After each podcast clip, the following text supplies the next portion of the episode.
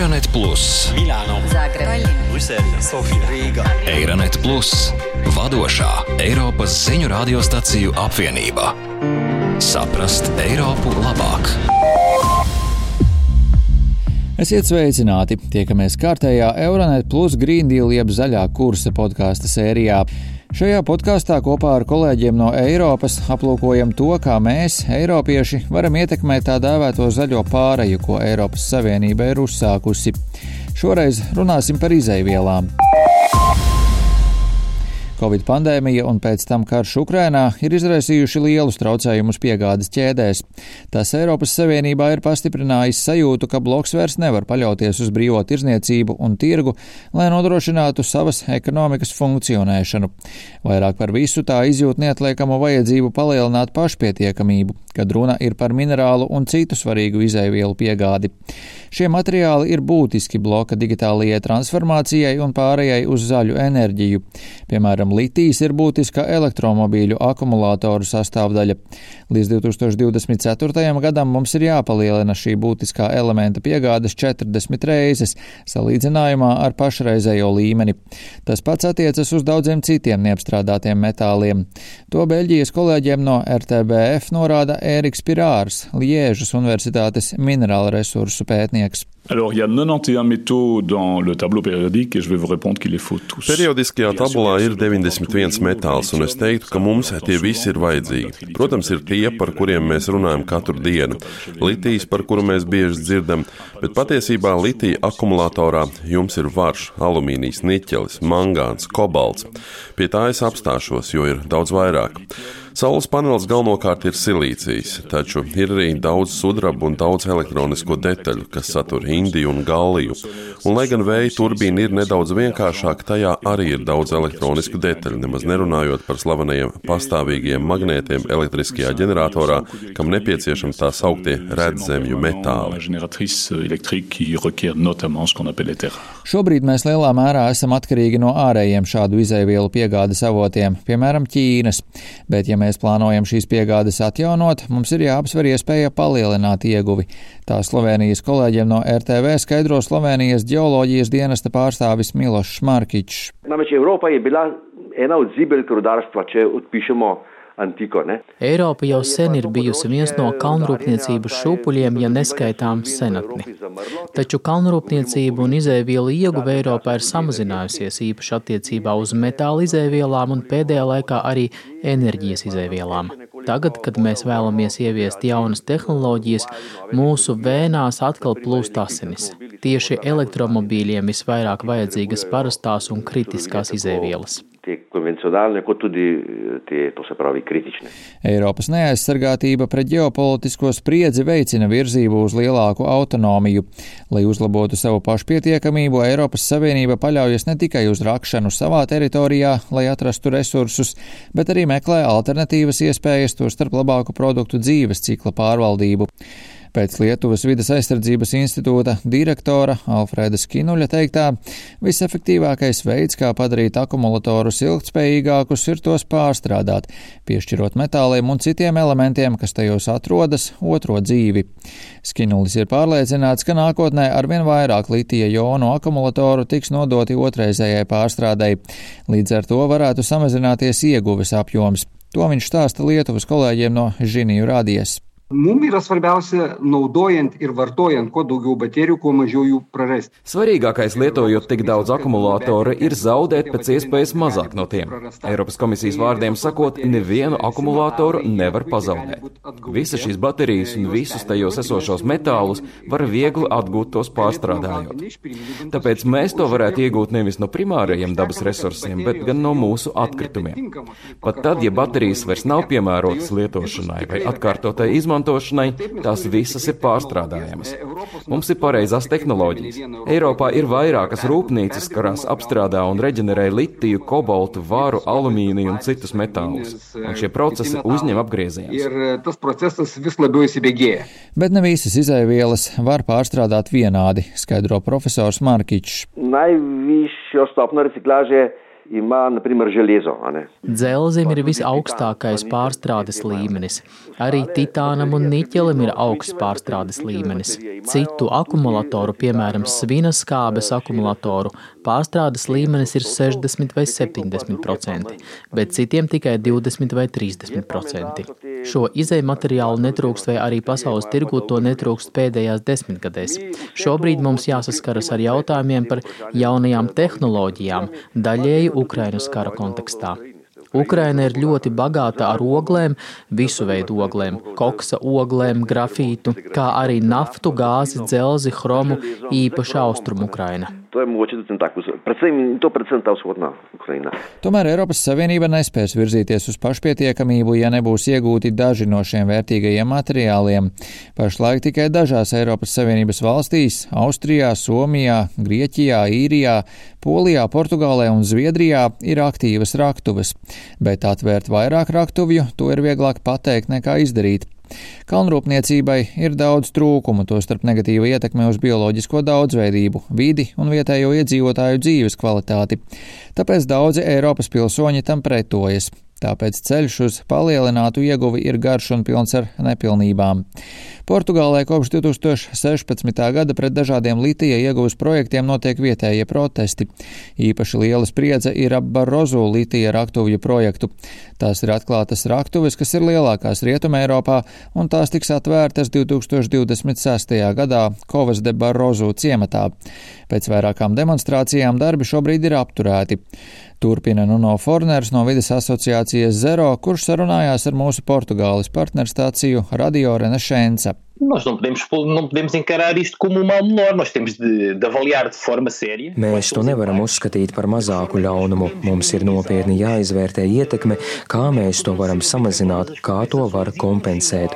Un ja galu galā mēs nonākam pie secinājuma, ka mēs nevaram litiju iegūt ilgtspējīgā veidā, zemes ietekmes uz vidi veidā, mums būs jāatsakās no šīm teritorijām. Mēs nevaram balstīties uz principu es varu, es gribu un es pavēlu vai es rakšu, jo ir valsts plāns litija ieguvēja par katru cenu. Mums ir ļoti rūpīgi jāpadomā. Šo teritoriju iedzīvotāji ir jāuzklaus un viņu bažas ir jāņem vērā. Otrā Eiropas malā - Igaunijā, Igaunijas vidas tiesību centra direktors Tarmo Treimans piebalso Formera domām intervijā ar mūsu kolēģi no Kuku radio. päris otse ja ausalt öelda, siis Eesti kontekstis me saame rääkida sellisest. Igaunijas kontekstā vārdam fosforīts ir vēsturisks konteksts un jūtīga rezonance. Būtībā ir labi zināms, ka zaļajai revolūcijai nepieciešami dažādi kritiskie derīgo izrakteņu resursi, dažādi ratie metāli, un mūsdienās tie galvenokārt nāk no Ķīnas vai Krievijas un Āfrikas. Runā, ka Igaunijas fosforam ir potenciāls aizstāt šos zaļās revolūcijas minerālus, taču Igaunijā vēl nav skaidrs, kāda būs šī ieguvas ietekme uz vidi, kāda cena sabiedrībai par to būs jāmaksā. Skaidrs ir tas, ka mums nevajadzētu steigties ar šo ieguvi un ka mums vispirms ir jāizpēta situācija. Jā jāveic zinātniski pētījumi, jārunā par šo jautājumu neatkarīgi un atklāti, jānovērtē ietekme, jākonsultējas ar sabiedrību un tad jāpieņem saprātīgākais lēmums gan zaļās revolūcijas, gan Igaunijas labā. Viena no galvenajām minētajām ietekmēm uz vidi ir saistīta ar ūdens apsaimniekošanu. Vēl viena liela problēma ir teritoriju, piemēram, Natura 2000 teritoriju vai citu aizsargājamo teritoriju tuvums. Cilvēki ir arī nobežījušies par ekoloģisko kaitējumu apkārtējai zemei un turpmāko kaitīgo ietekmi uz citām vietējām nozarēm, piemēram, lauksēmniecību un pārtikas ražošanu, kas var ietekmēt cilvēku ienākumus. Visbeidzot, izrakteņu ieguve var nopietni apdraudēt veselību. Tāpēc pirms raktuvju atvēršanas ir nepieciešams visaptverošs ietekmes uz vidi un sociālās ietekmes novērtējums. Nelsons Gomes, vietējais protestētājs no Kovas de Barozu, sūdzas, ka kopienas bažas ir ignorētas. Nossa opinião, e, e fazer Mūsuprāt, vispirms bija jāskatās, vai tiešām ir piemēroti apstākļi šai raktuvei un vai valsts no tā iegūs vai zaudēs. Jāapzinās, ka 60% no valsts bioloģiskās daudzveidības atrodas tieši šajā teritorijā. Ūdens, kas mums šeit ir, nu, liela daļa no valstī patērētā ūdens ir no šejienes. Jādomā, kuri resursi ir svarīgāki. Vai tas ir litijs, kas nemūžīgi būs svarīgs resurss, vai tas ir ūdens, bioloģiskā daudzveidība un kopējā zeme. Tā mums ir ļoti svarīga zeme. Derīgo izrakteņu apsaimniekošana un licencēšanas un ieguves likumdošana ir Eiropas Savienības dalībvalstu kompetencē, jo izaivielas parasti tiek uzskatītas par valsts dabas bagātībām. Katrai Eiropas Savienības dalībvalstī ir savi tiesību akti par ieguves darbībām un ieguves tiesībām. Papildus tam pašlaik nav visaptvarošas Eiropas Savienības datubāzes par kalnrūpniecības darbībām. Tomēr Eiropas Savienības tiesību akti par vidas regulējumu sniedz instrumentus kalnrūpniecības darbību plānošanai un pakāpeniskai noteikšanai, un tos var izmantot, lai nodrošinātu, ka kalnrūpniecība un tās atkritumi neapdraud cilvēku veselību vai vidi. Eiropas komisija nesen ir uzsākusi sabiedrisko apspriešanu par tās turpmākajiem tiesību aktiem kritisko materiālu jomā, un tā beidzas 2022. gada 25. novembrī. Tā vēlas saņemt sabiedrības viedokli par Eiropas Savienības reto materiālu piegādes avotu slikto dažādošanu, Eiropas izcelsmes piegāžu neizmantoto potenciālu un ieguves sociālajiem un vides aspektiem. Tas nozīmē, ka ar ieguvi saistīto konfliktu skaits tikai palielināsies. Eiropas Savienībai tam vajadzētu sagatavoties, ne tikai ieguldot līdzekļus sabiedriskajā mediācijā un konfliktu risināšanā, bet arī izvērtējot konfliktu pamatcēloņus. Lielāka uzmanība būtu jāpievērš sociālajiem taisnīgumam, lai izprastu un mazinātu pašreizējos un iespējamos konfliktus, kas izriet no mūsu pieaugošās nepieciešamības pēc minerāliem. Ir arī svarīgi paturēt prātā, ka katra raktuve darbojas unikālā sociālā un vides kontekstā, un vieni un tie paši pasākumi visticamāk nedarbosies visās jomās. Viena lieta, kas varētu palīdzēt padarīt ieguves darbības labākas, ir prasība raktuvēm pilnībā darboties ar atjaunojamo enerģiju. Tām arī vajadzētu būt juridiskam pienākumam kompensēt jebkuru bioloģiskās daudzveidības samazināšanos. Lietuvā vides aizsardzības institūta direktors Alfrēds Skinulis atzīst, ka baterijas ir kļuvušas par dzīves nepieciešamību.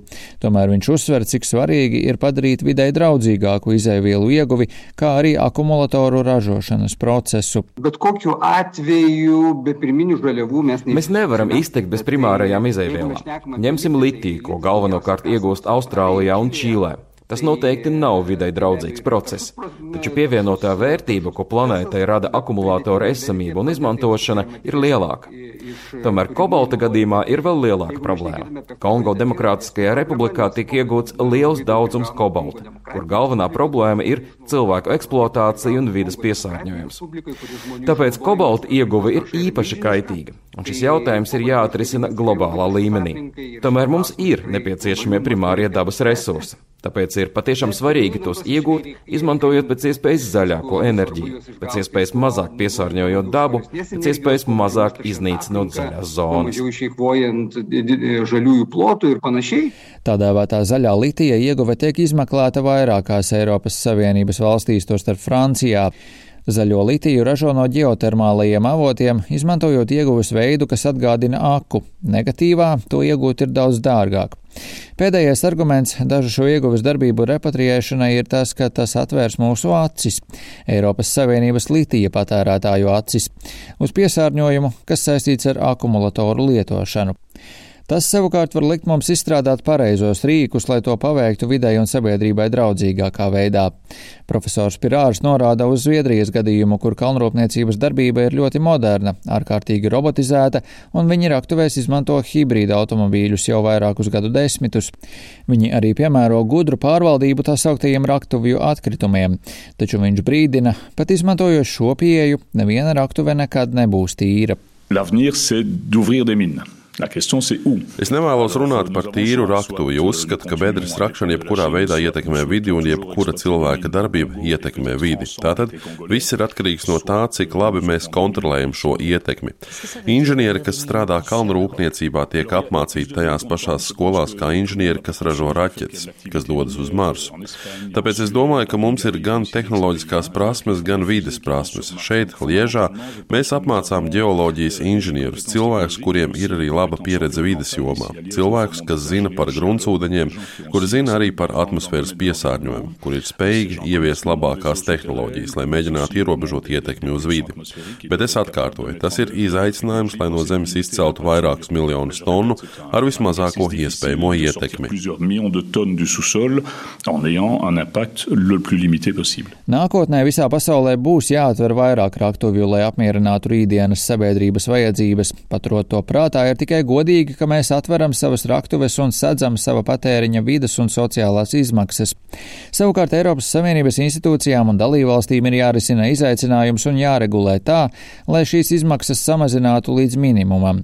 Taču, lai kā mēs censtos par izaivielu ieguves pārcelšanu un mūsu izaivielu piegādes nodrošināšanu, būs jāmaksā. Ar to arī izskan šīs nedēļas Euronet Plus Green Deal jeb zaļā kursa epizode. Tiekamies jau drīz! Eironet Plus, Milāno, Zagreba, Brisele, Sofija, Rīga. Eironet Plus, vadošā Eiropas ziņu radiostaciju apvienība. Saprast Eiropu labāk!